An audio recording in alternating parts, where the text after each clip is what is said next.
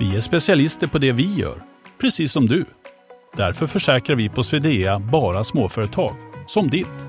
För oss är små företag alltid större än stora och vår företagsförsäkring anpassar sig helt efter firmans förutsättningar. Gå in på swedea.se företag och jämför själv.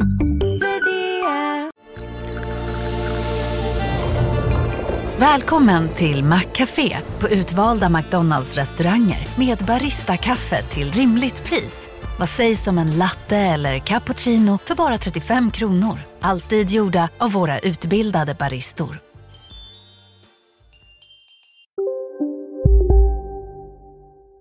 Du lyssnar på en podcast från Expressen. Ansvarig utgivare är Thomas Mattsson.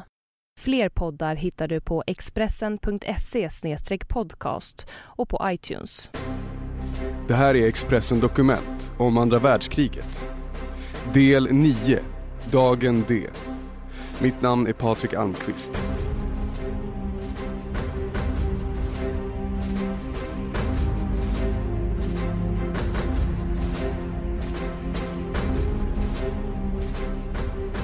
Stormvindarna piskar den franska kusten och sikten skyms av låga moln.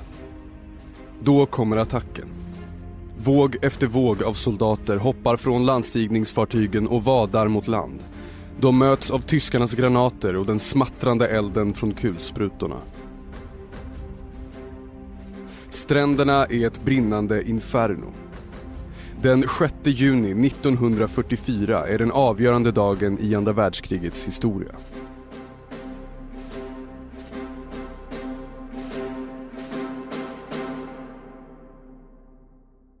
Klockan är sex på morgonen. Timmarna som följer ska avgöra Europas framtid. Den längsta dagen börjar. Omkring 200 000 soldater kommer över Engelska kanalen och sätts i land på stränder vars namn kommer att bli berömda. Utah, Omaha, Gold, Juno och Sword. Stränderna ligger längs en nio mil lång sträcka av Normandies kust. Här sätter de allierade in anfallet som överrumplar Adolf Hitlers Tyskland. De flesta är från USA. De övriga är britter, kanadensare, polacker, en liten fransk kontingent och även några norrmän från hemmafronten. Överste George Taylor vid amerikanarnas 16 infanteriregemente kommer in i den andra anfallsvågen med sina mannar och han skriker till soldaterna att här finns bara de som är döda och de som kommer att dö. Låt oss för helvete ta oss härifrån. Framåt, framåt.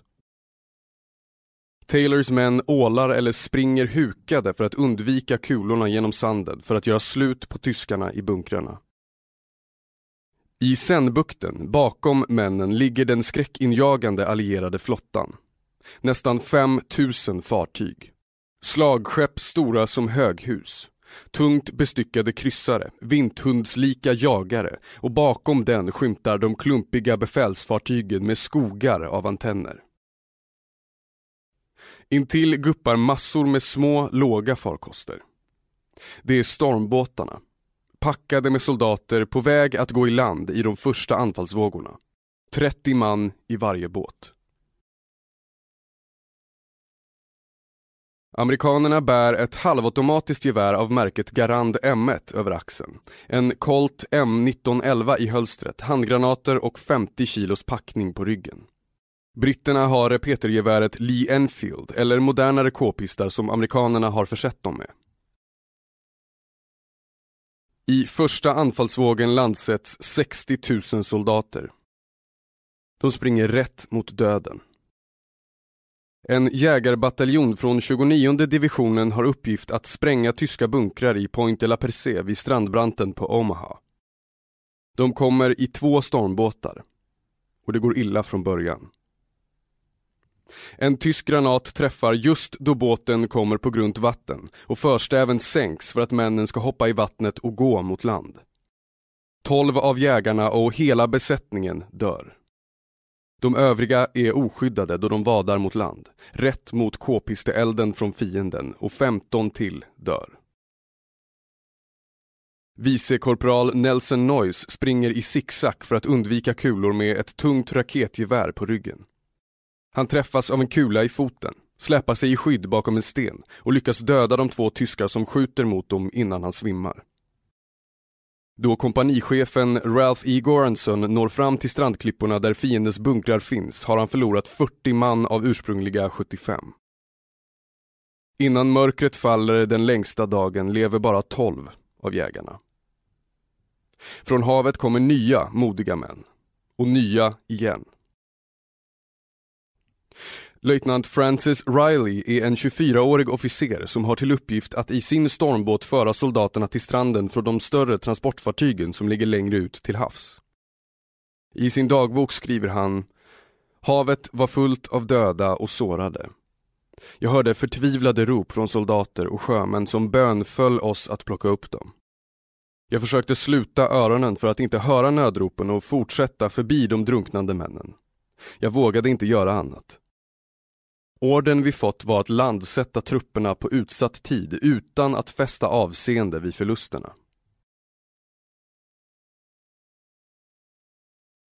Calvados är en region vid Normandies Atlantkust. Trakten är känd för sina äppelodlingar och för det starka brännvin som bönderna gör av frukten. Där finns de sex stränderna. Vinden är frisk. Ända inne i land har vågorna gäss på topparna. Överfarten är vidrig. Det är inga hjältar som sitter i de breda och fyrkantiga stormbåtarna. Någorlunda skyddade från fiendens eld av pansaret i sidoskydden. Hela natten har de frysande, eländiga och vettskrämda unga männen suttit så tätt hoppackade i rykande storm i transportfartygen att enda möjligheten att må illa är att göra det över varandra. Sjögången gör att soldaterna har problem att ta sig ner för klätternäten till stormbåtarna. Det börjar illavarslande. 32 amfibiestridsvagnar lyfts ner i den gropiga sjön. Bara fem av dem når land. De övriga sjunker och soldaterna från infanteridivisionen Big Red One begravs i likkistor av stål. Omaha, det är amerikanernas kodnamn, är 6 kilometer lång, en stenig badplaya, bred och svagt sluttande. I gryningen når nio infanterikompanier i den första anfallsvågen stranden. Männen är gröna i ansiktet av sjösjuka, kläderna genomblöta och kängorna fulla med vatten. Deras vapen fuktiga och sandiga. På stranden är de oskyddade. Helvetet bryter loss. Amerikanerna springer genom ett hav av eld från kanoner och dödande kulor från Spandau-kulsprutor som tyskarna har posterade vid Point du Hoc, högt uppe på bergskammen i öster. Från väster kommer korseld. Exploderande granater kastar sand och döda amerikaner i luften. Kärve efter kärve med svepande k-pistsalvor tvingar anfallarna att krypa framåt i sanden. Inte en man överlever av de första tre kompanier som når land. Ute till havs riktar jagarna USS Texas och USS Arkansas och de andra fartygen kanonerna mot bunkrarna. Tyskarna är totalt överraskade. Då deras fartyg äntligen går ut från hamnarna möts de av en förödande övermakt. Kaptenlöjtnant Heinrich Hoffmann är ledare för en torpedbåtsflottilj, går till anfall mot den väldiga allierade armadan. Hoffmann sänder iväg 18 torpeder mot övermakten. Den norska jagaren Svenners är det enda som träffas. En av torpederna tränger in i pannrummet. Svenners lyfts upp ur vattnet, skakas av en väldig explosion och bryts i två delar. 30 man följer med i djupet. Det blir enda anfallet till sjöss som de allierade utsätts för på dagen D. Jagarna Talibont och Satterley ligger 700 meter från land och precisionsskjuter mot Point to Hock med bergsprängande projektiler försedda med draggar, långa klätterrep och repstegar. Överstelöjtnant James E. Rudder och hans 300 jägarsoldater har till uppgift att klättra på repen upp för berget och driva ut fienden. Anfallsplanen för Operation Overlord, befälhavaren Dwight D. Eisenhowers namn på invasionen, är exakt. Varje allierad grupp vet på minuten vad den ska göra. Klockan är K, vilket betyder 7 och 10. Överstelöjtnant Rudder ger tecken till sina män. De rusar fram över den smala strandremsan medan jagarna bestryker klippkrönet med 40 mm automatkanoner. Samtidigt landsätts två amfibiefarkoster som britterna lånat av brandkåren i London. På dem finns stegar som brandmännen använder då det brinner i höga hus. Soldaterna lyckas få fram stegarna till klippan och de första jägarna börjar den livsfarliga klättringen. Några väntar inte på att draggarna med rep ska fastna. Med vapnen och sprängämnena på ryggen hugger de fästen för händerna med sina knivar. Point du Hoc är nio våningar högt. Tyskarna kan inte rikta sina kulsprutor så tvärt neråt. De kastar handgranater och tömmer k-pistarna och skär av repen. Många av jägarna störtar mot döden på de vassa klipporna nedanför. 90 man av de 300 överlever och lyckas ta höjden. För deras krigskamrater som är på väg i stormbåtarna är det en lycka att 85 Spandau-kulsprutor tystnar. Vid lunchtid är Omaha ett slakthus. Stranden är fylld av brinnande stridsvagnar, sönderskjutna landstigningsbåtar och döda människor.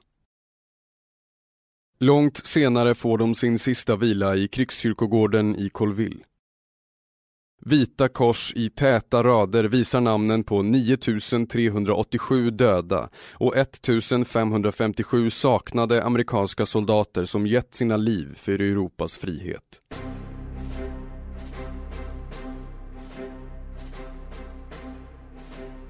Adolf Hitler är i sitt örnnäste i Berghof i de bayerska alperna. Medan de allierade lastar fartygen i brittiska hamnar har fyren ovanligt nog tagit av uniformen och klätt sig i frack. Hitlers älskarinnas yngre syster Gretel har gift sig med SS-officeren Hermann Fegerlein. Alla utom nykteristen Hitler dricker sig glada på champagne och en militärorkester spelar dansmusik. Hitler vet att invasionen ska komma, men han vet inte när eller var. Fyren har sin stridsstrategi klar. Invasionen ska slås tillbaka, till varje pris. Hitler är övertygad om att ett nederlag för de allierade betyder att USA och Storbritannien lämnar kriget. Därefter ska han dra samman sina arméer till östfronten och besegra Stalin. Hitlers militära stab tror att de allierade ska anfalla i Norge eller Danmark eller möjligen Spanien eller Portugal. Några av generalerna anser att Norge är troligast och de har stöd av spionrapporter som skickligt fabricerats av brittiska MI6. Hamnen i Narvik är livsviktig för tyskarna. Därifrån skeppas den svenska järnmalmen till Hitlers krigsindustri. Dessutom fruktar generalerna att Sverige ska bryta neutraliteten och anfalla tyskarna i ryggen om de allierade invaderar från väster. Andra generaler tror att anfallet kommer i Calais mittemot Dover.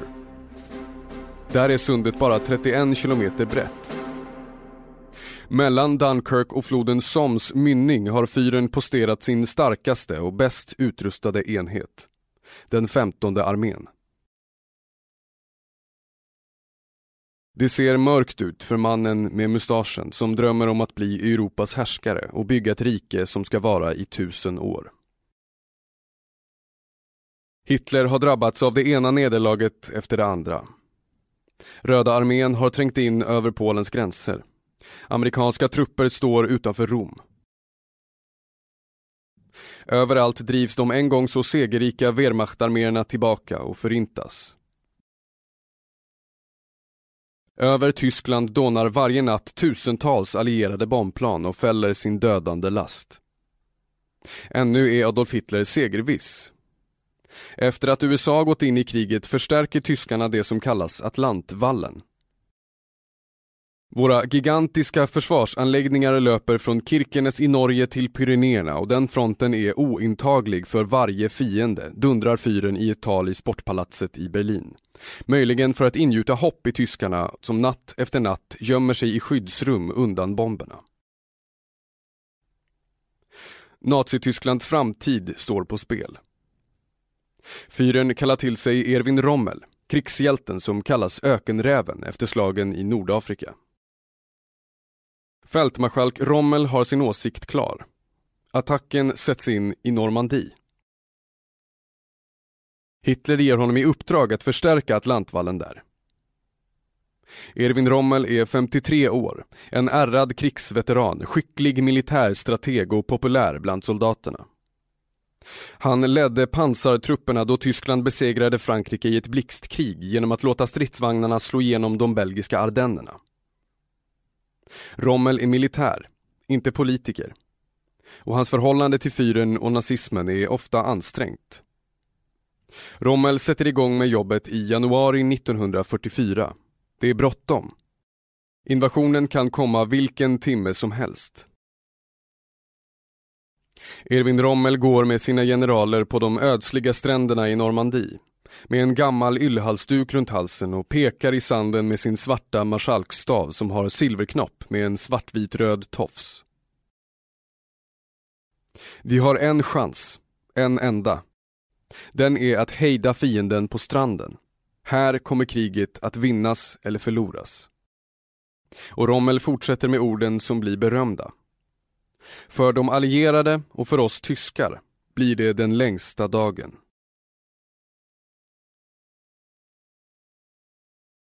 En kedja av bunkrar byggs eller förstärks.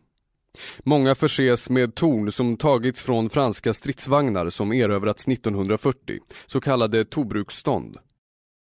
I vattnet mitt mellan ebb och flodpunkterna drivs grova trädstammar djupt ner i sanden med spetsarna riktade mot havet. I toppen sitter stålskärare avsedda att slita upp skrovet på landstigningsfartygen. På alla pålar sitter minor. Taggtråd och vajrar placeras ut. Stränderna mineras och den värsta dödsfällan döps till belgiska grindar.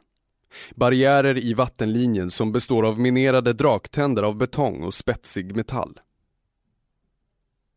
Rommel förstår att öppna fält inåt land ska användas för luftlandsättningar med glidflygplan och fallskärmstrupper. På fälten sätts kraftiga pålar i avsikt att krossa glidflygplanen då de landar.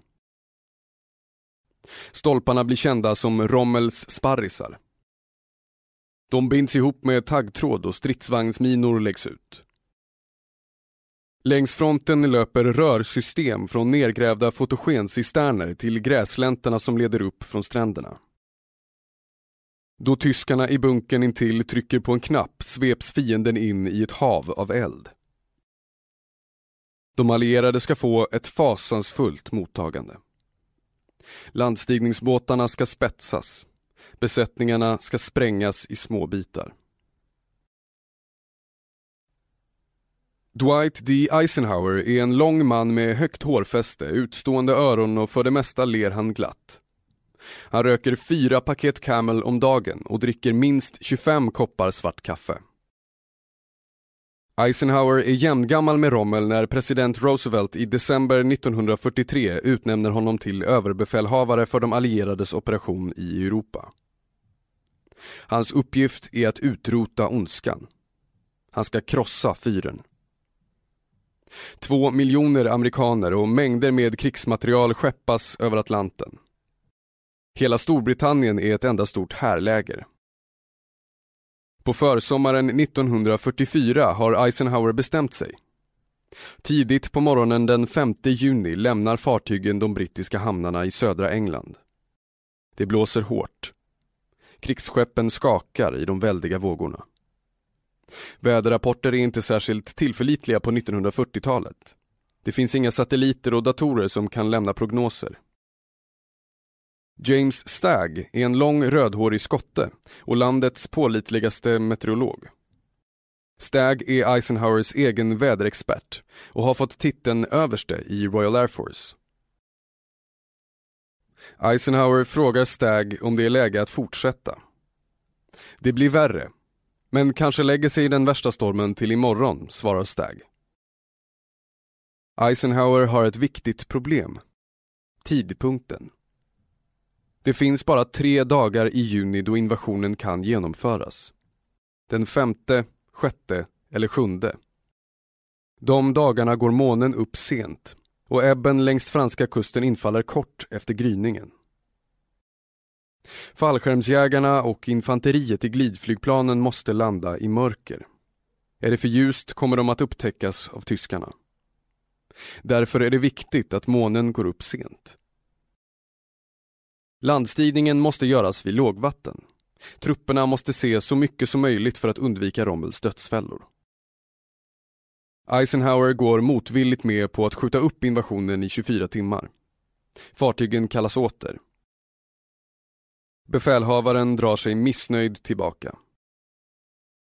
Han bor i en husvagn som han kallar min cirkusvagn i trädgården vid Southwick House.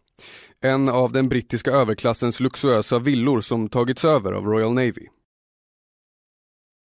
Husvagnen är dold med maskeringsnät och genom fönstret kan han blicka ut över ankarplatsen i Portsmouth där fartygen börjar återvända. På den enkla britsen brukar mannen som senare blir amerikansk president ligga och läsa westernromaner medan han tänder den ena cigaretten efter den andra. Kvällen efter kommer Stag med nytt besked. Det kommer att klarna upp.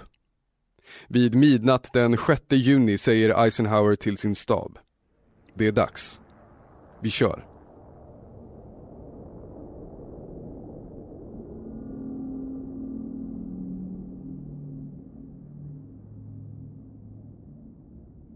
Operation Overlord startar.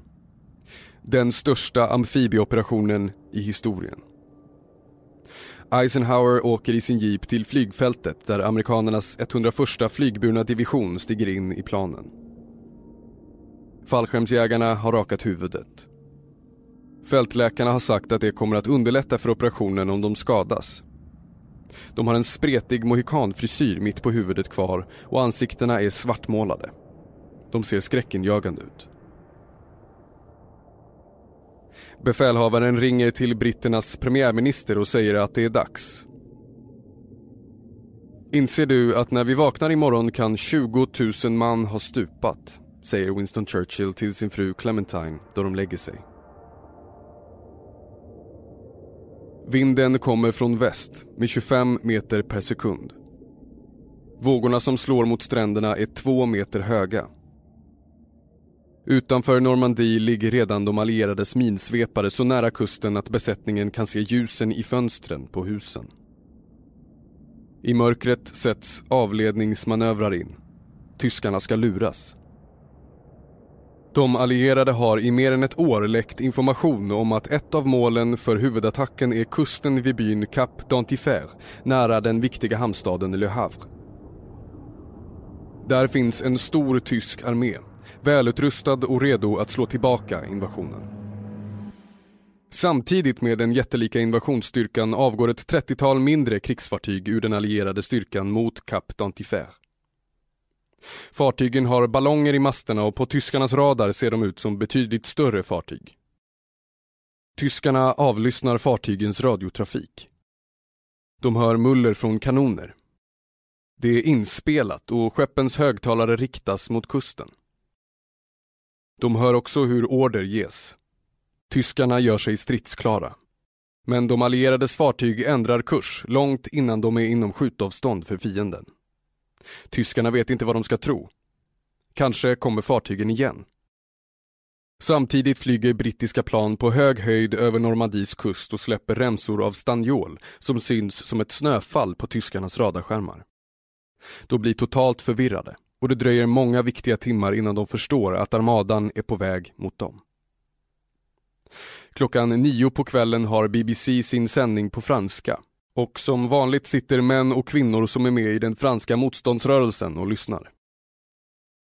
För tyskarnas radiospanare, som förstås också lyssnar, är meddelandena obegripliga. Men motståndsrörelsen vet vad den ska lyssna efter och känner koden. BBC-kvinnan läser en dikt av 1800-talspoeten Paul Verlaine.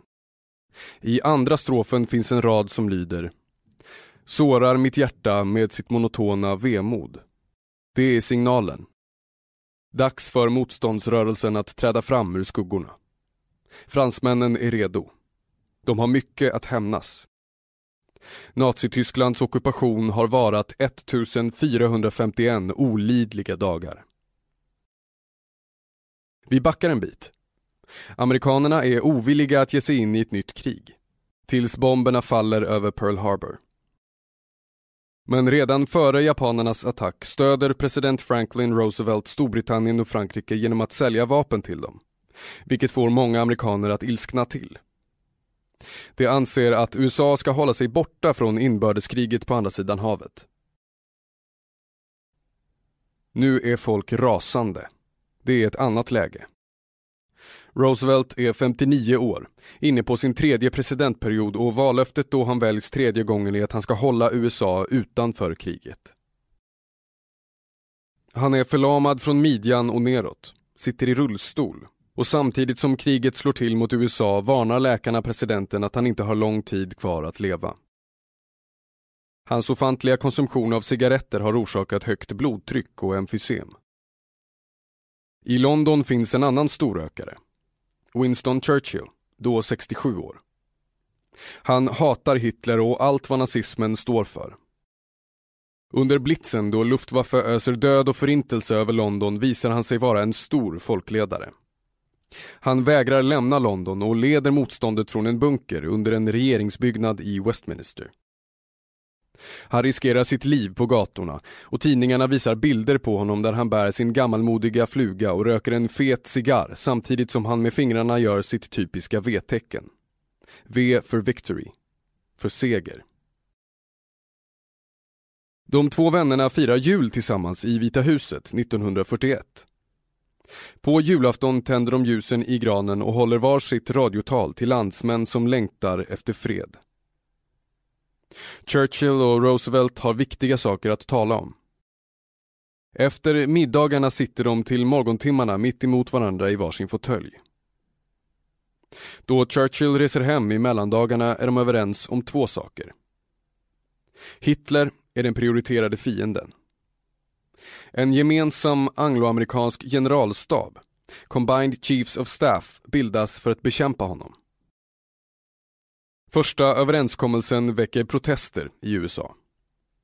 Marinen kräver att alla amerikanska krigsresurser istället satsas i Stilla havet för att hämnas Pearl Harbor. USA är i krig igen. Amerikanerna har i det läget en mycket liten armé. Landet har normalt ingen värnplikt, men Roosevelt inför tillfällig tvåårsrekrytering av män i stridbar ålder. Styrkorna måste utbildas och utrustas och sånt tar tid. De måste utskeppas också. Och det är livsfarligt. Slaget om Atlanten är som mest intensivt. Tyska ubåtar utsätter konvojerna för ständiga attacker och det gör att utbyggnaden av de allierade styrkorna i Storbritannien blir kraftigt försenad. Vintern 1943 sänker tyska ubåtar på en enda månad över 800 000 ton allierade fartyg med manskap, krigsmaterial och förnödenheter.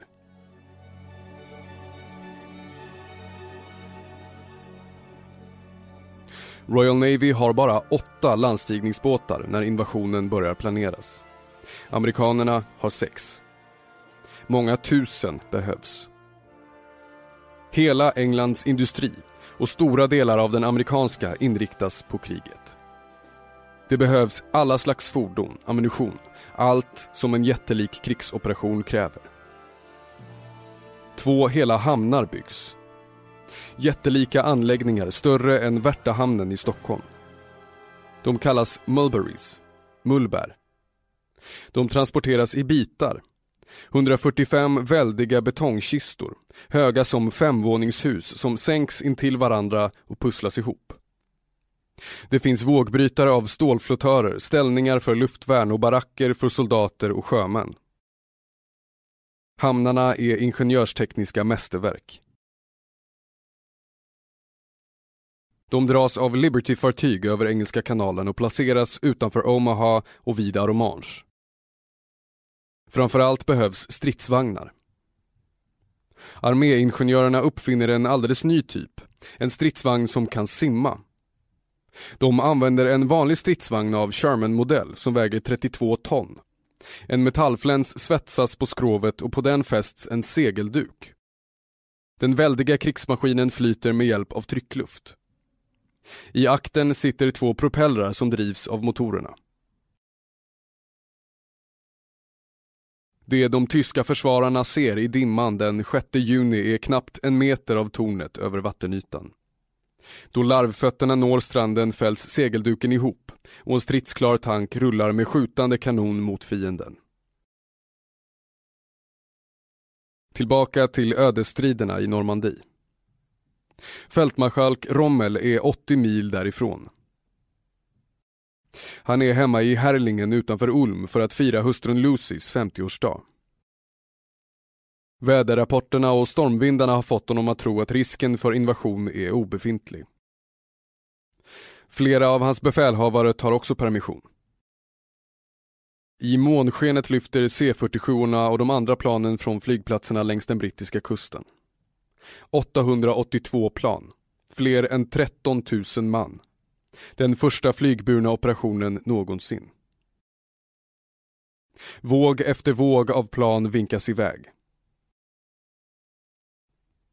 Klockan 01.15 vaknar den 60-åriga lärarinnan Angèle Levrault i huset i Saint Mère av ljusen från lysbomberna och planen som flyger tätt över byns hustak. Hon hör ett fladdrande ljud och tittar ut. Där står den 18-årige soldaten Robert M. Murphy och håller på att skära sig från fallskärmen som fastnat i ett päronträd. De tittar på varandra. Murphy sätter fingret för munnen som tecken på att Madame Levrault ska hålla tyst. Sen försvinner han i mörkret. Murphy, som senare blir advokat i Boston, är en av stigfinnarna.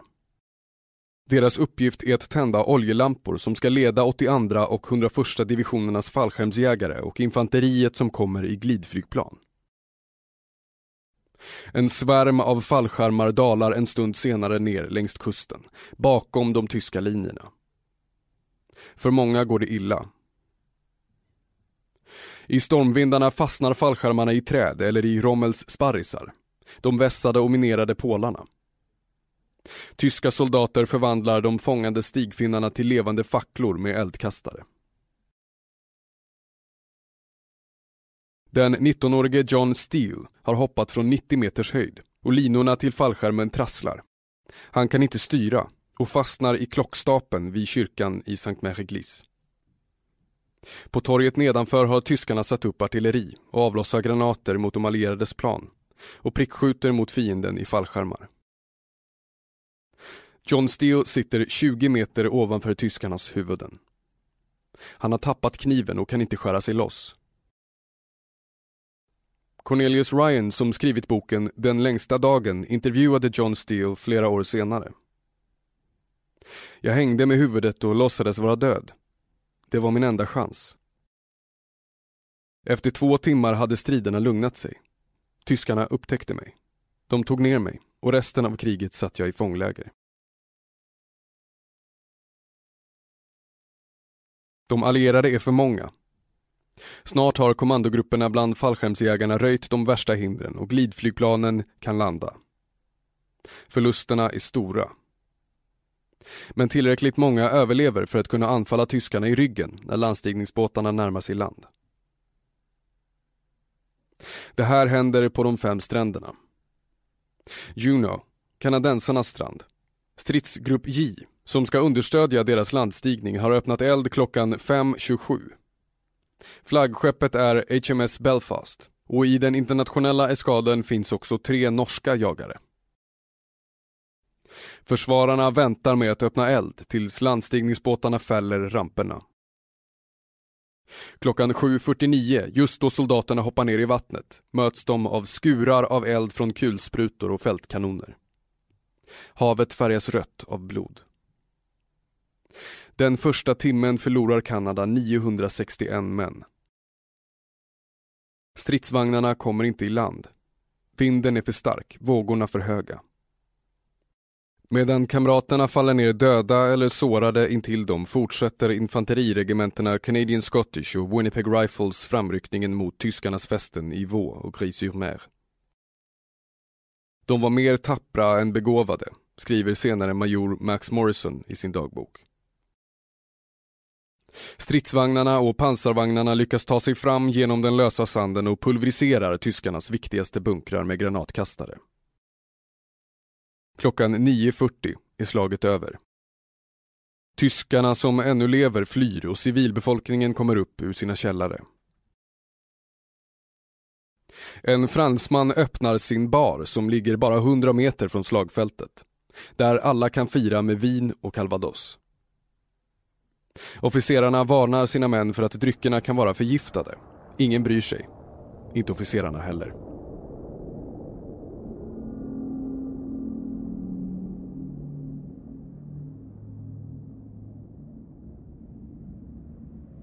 Sword. Badorterna ligger tätt vid Sword Beach. Feriehusen i Rivabella, La Brèche och Lyon-sur-Mer är befästa fästningar. Kasinot i Rivabella har blivit en bunker. Försvararna som ligger i värnen nära stranden höjer förvånat på ögonbrynen då specialbrigaden från Queens Own Cameron Highlanders landstiger. Förste man ur stormbåtarna är en lång man med rutig kilt. På huvudet har han sin hjälm. Över axeln sitt repetergevär Lee Enfield. Kilten breder ut sig omkring honom i vattnet. I händerna har mannen som heter Bert Millen sin säckpipa och han spelar Helen Laddie, en marsch från hans gamla regemente Scotsguards medan han går genom bränningarna mot stranden.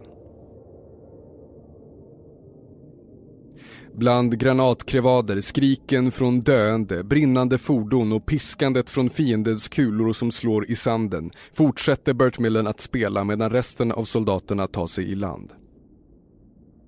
På eftermiddagen intas tyskarnas ställningar Hillman och Morris. Kampen är vunnen. I fyra år har Hitlers soldater ockuperat Frankrike. Nu kommer människorna från byarna till stranden för att hjälpa sina räddare.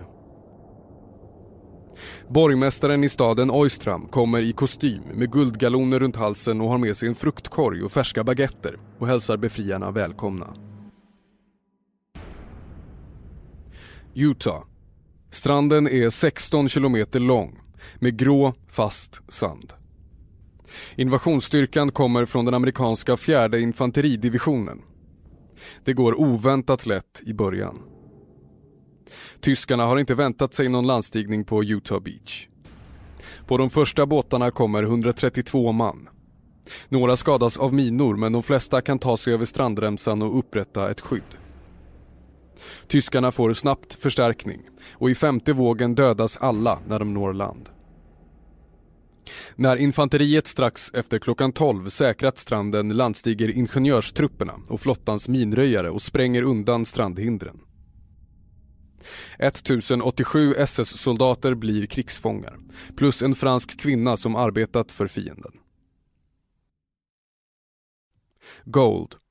Här landsätts brittiska trupper som landstiger med en äldre och mycket klumpigare typ av landstigningsfartyg som utrustats med Boforskanoner.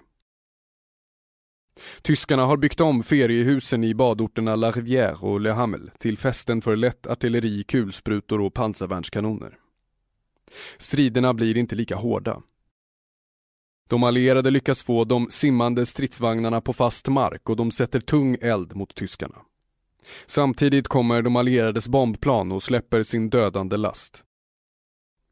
Tidigt på eftermiddagen är stranden säkrad och styrkorna avancerar inåt land mot staden Bayeux. Omaha. Här står det blodigaste slaget. Då det sista tyska fästet vid Le Moulin intagits ligger 3000 döda eller sårade amerikaner i sanden. Då ramperna fälls på landstigningsbåtarna öppnar tyskarnas artilleri eld. Amerikanerna har 200 meter vattentäckt strand och lera att ta sig över. Elden från kulsprutor sprayar båtarna och många har svårt att ta sig ur eftersom ramperna blockeras av döda soldater. De som lyckas ta sig i land tar skydd bakom stenar och betongfundament. Den andra vågen når inte fram och soldaterna måste kasta sig i vattnet längre ut i det stormpiskade havet. Det blir ett blodbad. Många drabbas av panik och vägrar fortsätta. Officerarna blir tvungna att hota dem med sina gevär för att få dem att anfalla. I den gruppen kommer den berömde fotografen Robert Capa. I sina memoarer Slightly Out of Focus skriver han Vattnet var kallt och stranden låg hundra meter bort. Kulorna rev hål i vattnet omkring mig och när jag nådde stranden tog jag skydd bakom en utbränd pansarvagn och började ta bilder. Kapas foton på attackerade män, döende soldater, sjunkande stormbåtar och utslagna Sherman-tanks publiceras i magasinet Life. Flera krigskorrespondenter finns med i stormbåtarna. En av dem är Cornelius Ryan från nyhetsbyrån Reuters. På den tiden finns inga mobiltelefoner. Men viljan att snabbt förmedla viktiga händelser var densamma. I boken Den längsta dagen skriver Ryan vi hade med två korgar med brevduvor. På stranden skrev vi hastigt ner kortfattade skildringar, la dem i plastkapslar och släppte duvorna fria. Olyckligtvis orkade de flesta duvorna inte lyfta eftersom vi skrivit för långt. Fyra duvor kom ändå iväg och landade på informationsministeriet i London några timmar senare. Så vi fick ut de första berättelserna.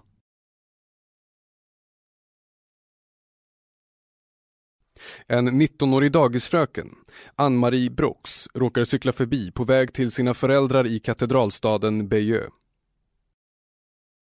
Hon sätter genast igång att lägga förband på sårade. På stranden träffar hon en lång, mager vicekorpral från Rhode Island. Han heter Leo Hero och efter kriget gifter de sig.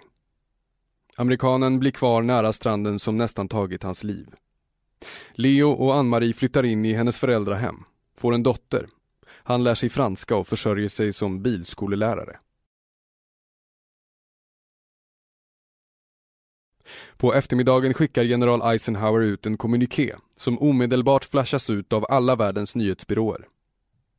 Till Västeuropas folk. I morse landsteg allierade styrkor på den franska kusten. Invasionen är början till slutet för diktatorn i Berlin. Än är kriget inte över. Fältmarskalk Bernard Law Montgomerys samarbete med Ike Eisenhower kunde ha börjat bättre. Monty inleder deras första planeringsmöte med att skälla ut sin amerikanska chef för att denna har fräckheten att röka i tältet där de sammanträder. Montgomery är brittisk krigshjälte. Segraren från slaget vid El Alamein var med vid landstigningen på Sicilien och ledde framryckningarna i Italien. Britten är arrogant. Hans ego är större än månen, men han är en skicklig militär. Om Eisenhower säger han på sitt korthuggna språk, trevlig kar men ingen militär. Montgomery leder de allierades landoffensiv i Normandie. Det tar två månader innan striderna är över. Invasionen i Normandie är ett oerhört dråpslag mot Hitler-Tyskland. Bland militären jäser missnöjet. Diktatorn är på väg att föra landet mot katastrofen. En grupp generaler utarbetar en plan. Operation Valkyria. Hitler ska mördas. Den 37-årige Klaus Schenk von Stauffenberg ska göra det. Han kallas den enögde översten efter att ett minsplitter i ökenkriget tagit hans syn på höger öga. Översten är kallad till konferens med Hitler i högkvarteret Varglyan den 20 juli 1944. I sin portfölj har han bomben.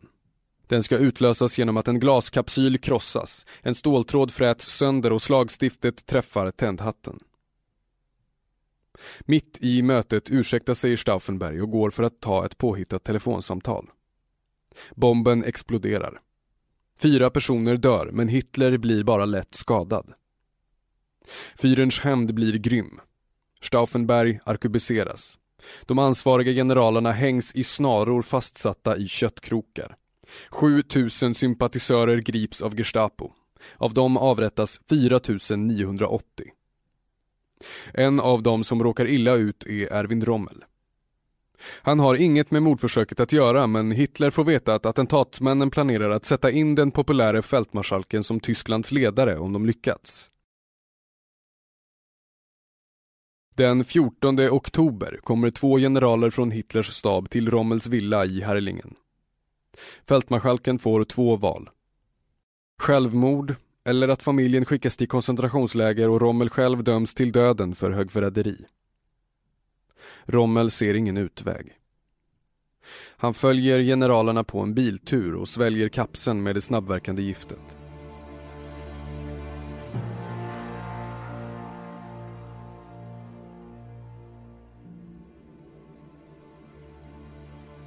Den 25 augusti befrias Paris och Eisenhower låter av ren hygglighet Charles de Gaulle-trupper tåga in först. Hundratusentals jublande parisare rusar ut på gatorna, omfamnar soldaterna och sätter rosor i deras gevärspipor. Staden är ganska oförstörd efter fyra års ockupation. Det kunde ha varit annorlunda.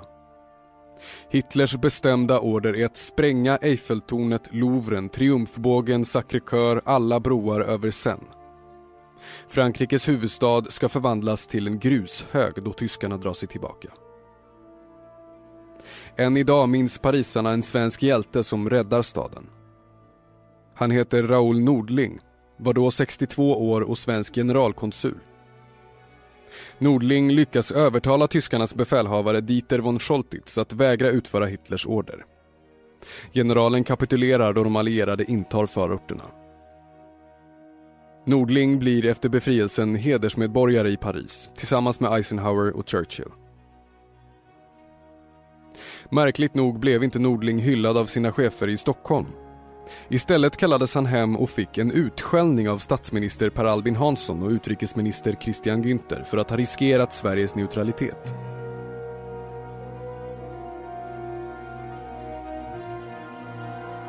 Du har lyssnat på Expressen Dokument om andra världskriget, del 9